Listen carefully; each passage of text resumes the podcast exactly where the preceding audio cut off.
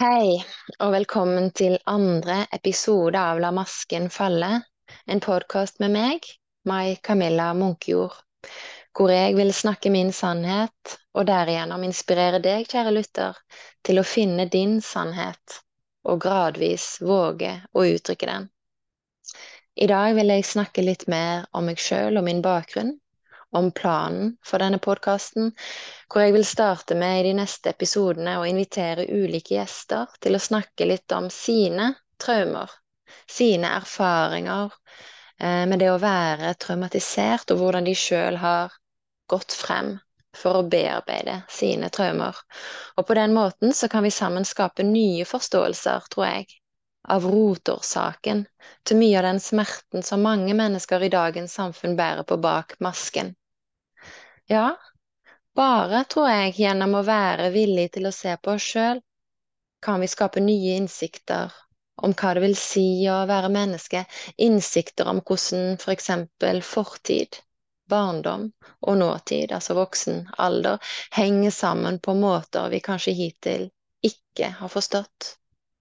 Og gjennom nye innsikter om både oss sjøl og hverandre, så kan vi kanskje sammen hver av oss da, ta mer selvansvar og gi oss mer selvomsorg, eller self-compassion, som det gjerne heter på engelsk. Selvomsorg det handler jo om å gi seg selv den omsorgen som hver av oss trenger. Aksept, godhet, toleranse, tid. At vi gir oss pauser når vi trenger det. At vi setter sunne grenser når det er nødvendig. At vi tar oss tid til å sjekke inn med oss selv og nyte kaffekoppen eller tekoppen eller det vi nå har. At vi er til stede i naturen og nyter solen eller regndråpene. Mange, tror jeg, har begynt å få øynene opp for viktigheten av selvomsorg. Men eh, selvansvar er det ofte litt verre med. Og nei, jeg mener ikke at det nødvendigvis er mitt ansvar, eh, det som skjedde med meg den gangen jeg var et lite barn. Men jeg tenker at det er faktisk mitt ansvar hvordan jeg i dag tenker og føler og handler i forhold til det som skjedde med meg den gang da. Til tross for de erfaringene sant, som jeg har med meg i bagasjen, til tross for de vonde minnene som jeg bærer med meg, så er det mitt ansvar i dag hvordan jeg forholder meg til dem. Selvansvar det betyr med andre ord, andre ord at den eneste som kan ta ansvar for å endre mitt liv, det er meg. Og for din del, den eneste som kan ta ansvar for å endre ditt liv, det er deg. Men så er det viktig å be om den hjelpen vi trenger. Selvansvar for meg, det har i stor grad handla om to ting. Det ene har vært å lære meg følelser og følelsenes språk. Sant? Hva er følelser? Hvor sitter følelsene i kroppen? Har de en alder? Kan gamle følelser være like sterke som nye? Hvordan kan en gi gamle følelser et språk eller et uttrykk når en gjennom et langt liv har øvd seg på å ikke forholde seg til dem? Og så har jeg rent faktisk, for min del, da, øvd meg på å faktisk møte og føle både gamle og nye følelser. Skrive følelsene frem i ulike tekster, snakke følelsene, følelsene frem, sånn som i denne podkasten. For på den måten å bidra til at andre, lesere, lyttere, du, kan komme i kontakt med det en sjøl måtte bære på av emosjonell bagasje som en nå lengter etter å gi slipp på. Og relatert til dette så har selvansvar for meg handla om å lære meg mer om hva traumer er. Og et traume det er altså ikke bare de store hendelsene som å bli utsatt for en tsunami eller en gruppevoldtekt, men òg de små og, ja, små og større krenkelsene som vi alle utsettes for. Særlig, tror jeg, i de første leveårene i møte med primært våre foreldre, men også søsken, steforeldre, stesøsken, andre nære familiemedlemmer som besteforeldre osv. Og, og senere også ansatte i barnehagen, ansatte på skolen, treneren på fotballaget eller i andre fritidsaktiviteter, eller andre voksne som ikke er i stand til å møte barnets behov, men som istedenfor avviser barnet, avviser oss. På hjemmebane, i møte med våre foreldre, for å snakke om akkurat det, så kan det være at vi som barn opplever, sånn som jeg gjorde for min del, trusler om ris, hånende kommentarer, nedlatende kommentarer som Er du helt korka? Helt idiot? Har du gått fra sans og samling? Vet du ikke det, du, da? Skjønner du ingenting? Eller vi kan ha møtt avvisning av følelser, som eh, kommentarer som inn med den leppen, eller så kommer det en kråke og bygger reir på den. Eller vi kan ha opplevd kjefting, som eh, Hvor mange ganger har jeg sagt at du skal spise pent? Kan du ikke slutte å grise så mye? Drikk koppen, drikk melken din fint, ikke velte koppen. Vi kan ha møtt regler som var for avanserte for vår modenhet, for vår alder, som for min del ikke lov å løpe i trappen, ikke glemme leker i stuen, ikke sette sandete sko inn i yttergangen, heng yttertøyet pent på knaggen, og ikke kom inn til mamma og pappa om natten uansett hva som har skjedd.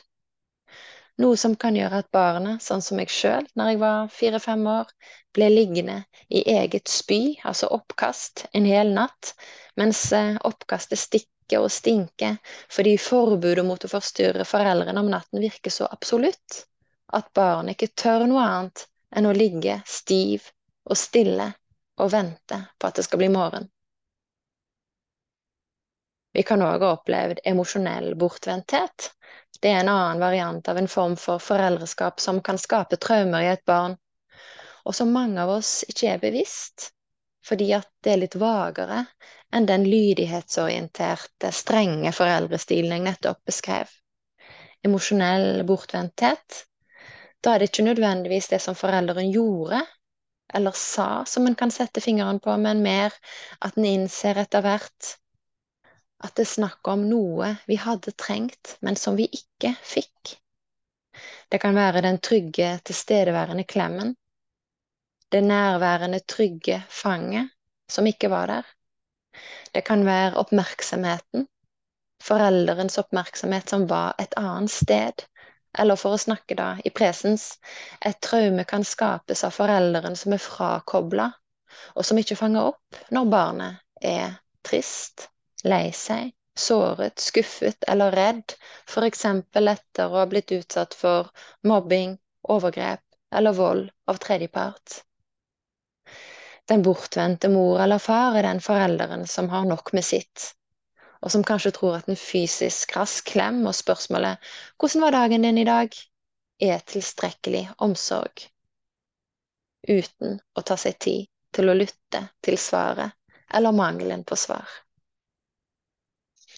jeg for min del hadde hatt behov for en mamma som var påkobla, og som hadde fanga opp når jeg, barnet, ble lei meg, trist, sint og såra og skuffa og redd, for eksempel da jeg som lite førskolebarn ble utsatt for kjefting og trusler fra pappa, eller da jeg noen år senere som ni- og tiåring ble utsatt for mobbing, vold og overgrep av noen ungdommer i nabolaget. Et traume, sånn som jeg ser det, og jeg ser det på samme måte som eh, Gabor Maté og Frans Ruppert, for å nevne de. Et traume, sånn som jeg ser det, det er ikke krenkelsen, kjeftingen, avvisningen, bortvendtheten, den manglende nærheten, mobbingen, trusselen om vold eller volden i seg selv, men konsekvensen av enkelthendelser eller konsekvensen av en krevende situasjon som varte over tid konsekvensen som den hendelsen kan skape i barnet. Altså ikke hendelsen, men konsekvensen av hendelsen. Det er det vi kaller traume. Eh, det kan skje når barnet ikke er i stand til å verken gå i fight eller flight, altså verken på en måte slåss eller flykte unna, men derimot går i frys. Går i frys og tar avstand fra en del av seg selv automatisk. Noe som fører til at barnet blir gradvis fremmedgjort for seg selv, og kan begynne å føle og tenke at eh, det må være noe galt med meg som opplever dette. Ja, det er nok noe galt med meg. Jeg er feil, uønsket. Jeg føler meg forlatt allerede, som jeg følte og tenkte da jeg var et lite barn. Noe som igjen kan føre til at barnet begynner å gå inn i ulike kompenserende atferdsmønstre for å dekke over sin indre smerte. Jeg vil i denne podkasten gå inn på egne erfaringer og eh, snakke med gjester om deres erfaringer. Eh, for å forstå mer om hva barndomstraumer eller relasjonstraumer er for noe. Og hvordan sånne traumer kan komme til overflaten som symptomer i voksen alder.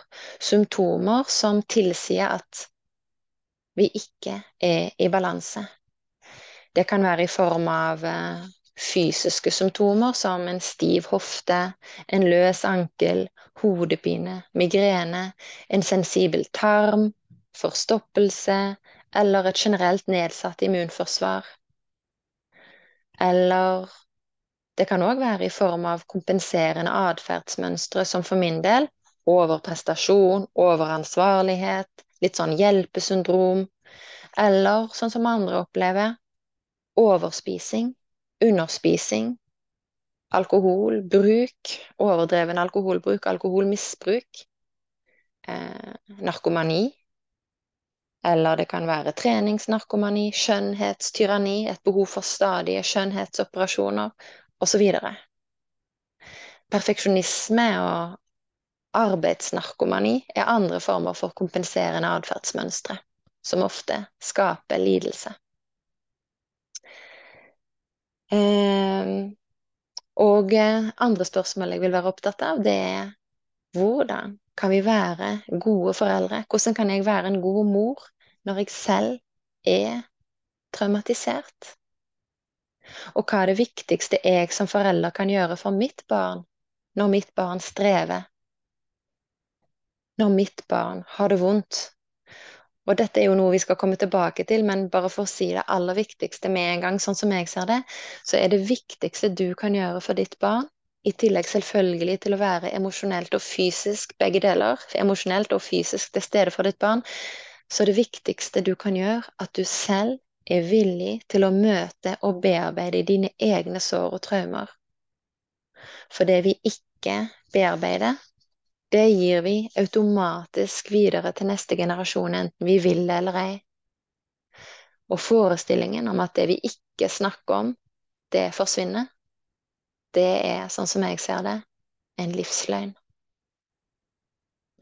Jeg vil i senere episoder i denne podkasten også snakke om helse og uhelse Kanskje òg om det som jeg oppfatter som en usunn, snever, individfokusert og ofte litt sånn materialistisk, fysisk forståelse av sykdom, og hvor en i dagens helsevesen, sånn som jeg ser det, har angst for å møte pasientenes angst.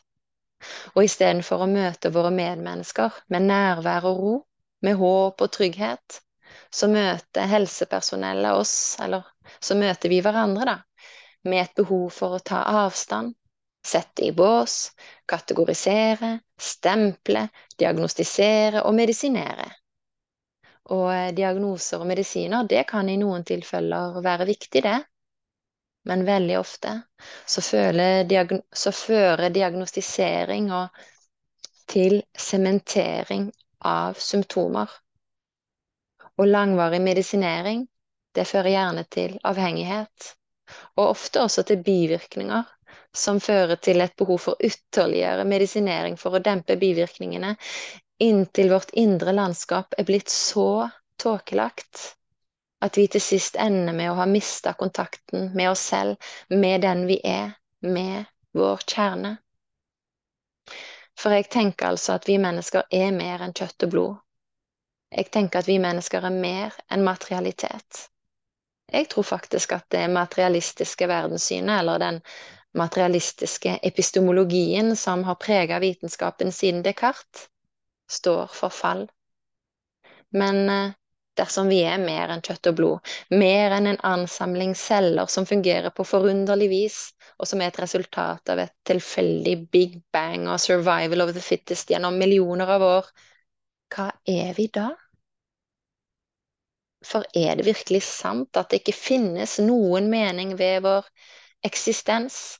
Er det sant at det viktigste vi kan gjøre når vi har havnet her på denne, på denne, planeten, det er å sikre oss selv og våre nærmeste og gjøre det beste ut av det og kose oss med sommerkoteletter og pølsegrillfest? Og liksom bare fortsette å overse de lidelsene som så mange av oss opplever? Overse det meningstapet som så mange kjenner på. Overse de katastrofene som skjer rundt om i verden. Overse dyrenes lidelser, naturens lidelser, planetens lidelser. Skal vi virkelig fortsette sånn? Jeg var selv om ikke ateist, så var jeg i alle fall agnostiker inntil 2020. Jeg var uinteressert i de store spørsmålene, inntil jeg for tre år siden gikk på veggen og ble 100% sykemeldt med merkelappene insomnia, depresjon og utbrenthet, som jeg nevnte i første podkastepisode.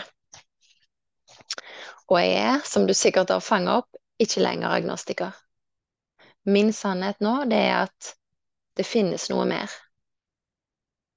Det finnes en større bevissthet. Jeg har ikke personlig hatt en sånn stor oppvåkning å fortelle om enda. Eh, jeg er ikke født på ny, sånn som en del kristne er, og jeg har ikke opplevd oneness eller enhet som en del praktiserende buddhister eller yogafolk kanskje har. Men eh, jeg er i full ferd med å rense ut av kroppen det som jeg har lagra av minner og sår og ufølte følelser, som til slutt ble en så tung bør å bære at jeg måtte åpne opp og begynne å gi slipp etter min burnout for tre år siden.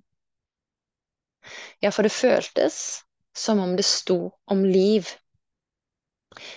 Ikke sånn at jeg var suicidal, for jeg hadde ikke planer om å ta mitt eget liv, men mange ganger så hadde jeg det så tungt.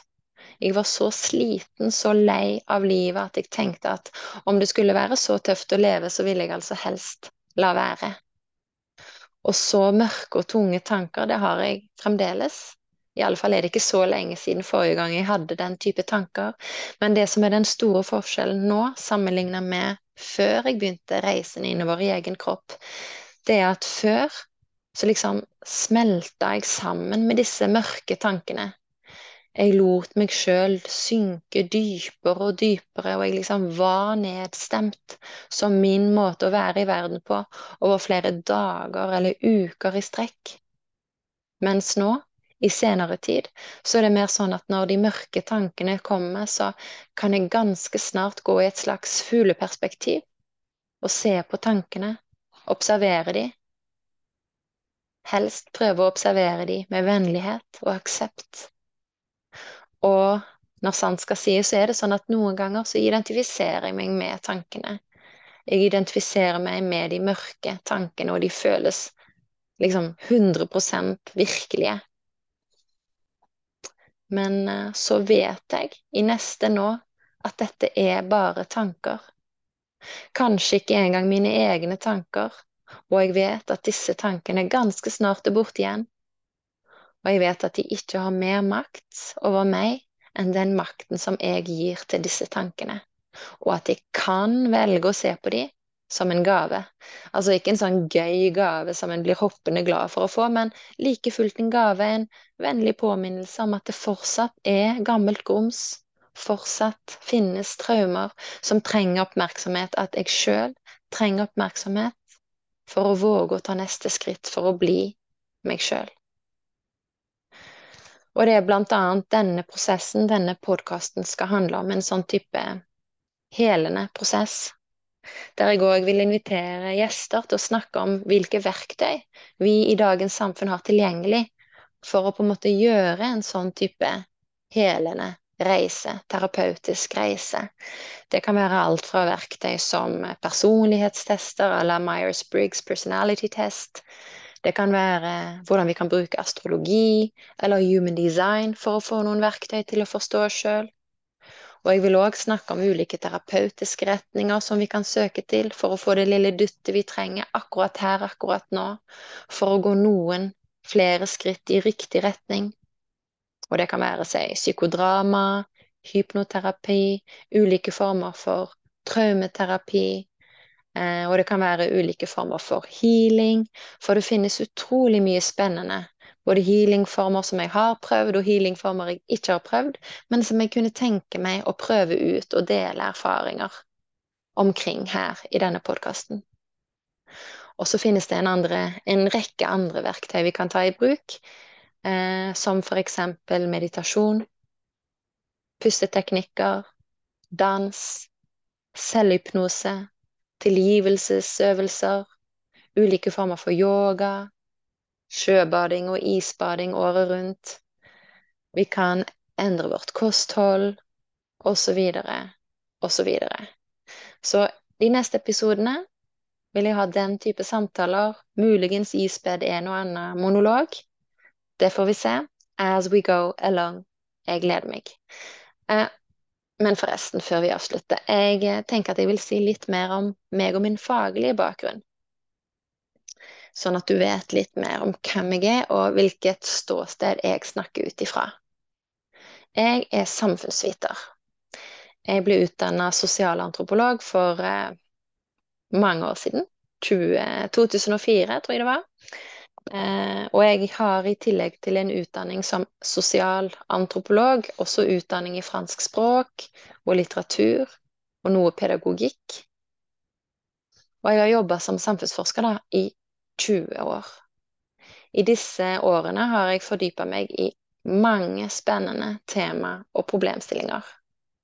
Jeg kan nevne at i forbindelse med min første studie, som var min mastergrad, på den tiden jeg tok det, setet, det kan-polit-grad eh, i sosialantropologi. Da gjorde jeg feltarbeid i Vest-Afrika. Jeg gjorde en studie om makt og kunnskap i en annerledes kulturell kontekst enn det jeg sjøl var vant til, nemlig ved et fransktalende universitet i Vest-Afrika. Dette var jo før internett, og det var på et tidspunkt hvor det var lite bøker å finne i bokhyllene på universitetsbiblioteket og hvor forelesningene ble diktert, og lærerens ord var kunnskapen med stor K, som skulle læres og reproduseres. Og i denne konteksten, da, hvor jeg gjorde observasjoner og intervjuer osv., så, videre, så var jeg opptatt av å forstå hvordan studentene navigerte, og hva som skulle til for å lykkes som student innenfor et slikt system. Og så hadde jeg en liten periode der jeg jobba som oppdragsforsker ved Senter for interkulturell kommunikasjon, SIK, i Stavanger. Og etter det så flytta jeg nordover, til Finnmark, hvor jeg som stipendiat ved Høgskolen i Finnmark gjorde en flerfaglig, altså tverrfaglig doktorgrad i samfunnsvitenskap om eh, motstrømsflytting, bosted og tilhørighet. Selve doktorgraden ble avlagt ved Universitetet i Tromsø. Og jeg var opptatt av inkludering og ekskluderingsmekanismer, flerstedstilhørighet og konsekvensen av å stemple innflyttere som B-mennesker i småsamfunn som egentlig var avhengig av å inkludere nykommerne. Alt i alt så var jeg opptatt av hvordan kan vi skape bolyst? Hvordan kan vi skape inkluderende bosteder? Hvordan kan vi sette mennesker fri og gi dem mulighet til å være den de er. Og er det sant f.eks. at man må være søring eller finnmarking? Går det an å være begge deler? Sånne ting. Jeg disputerte, som det het, i 2009, altså for eh, 14 år siden. Og så fikk jeg en fast stilling som førsteamanuensis i samfunnsvitenskap ved daværende Høgskolen i Finnmark, som senere ble en del av Universitetet i Tromsø. I den jobben hadde jeg litt undervisning, men fortsatt var det forskning som sto mitt hjerte nærmest. Og sammen med tre økonomer lagde jeg et prosjekt eh, som fikk eh, økonomisk støtte fra det regionale forskningsfondet om grenseoverskrivende entreprenørskap i Barentsregionen. Og i det prosjektet så gjorde jeg en delstudie om innvandrere som hadde starta egen virksomhet i Finnmark. Immigrant Entrepreneurship in Northernmost Norway. Det var spennende, og jeg publiserte mye om det. Og så ble jeg til min overraskelse ganske rask, det var vel i en alder av 38 år, professor i samfunnsvitenskap ved Universitetet i Tromsø. Samtidig som jeg òg ble da det som heter research professor, eller forsker igjen, i instituttsektoren. Og så har jeg etter det forska på en rekke ulike tema. Jeg kan nevne litt raskt inkluderingsmekanismer i arbeidslivet. Eh, jeg har bl.a. jobba sammen med en rekke gode kolleger og, og partnere i Nav i ulike deler av Finnmark og Troms om å utvikle ja, læring og innovasjon i Nav. ALIN heter det forskningsprosjektet. Og jeg har gjort eh, forskjellige mindre studier hvor vi har eh, undersøkt hvordan innvandrere opplever arbeidshverdagen i ulike helse- og omsorgsyrker. Jeg har jobba mer spesifikt inn mot eldreomsorgen.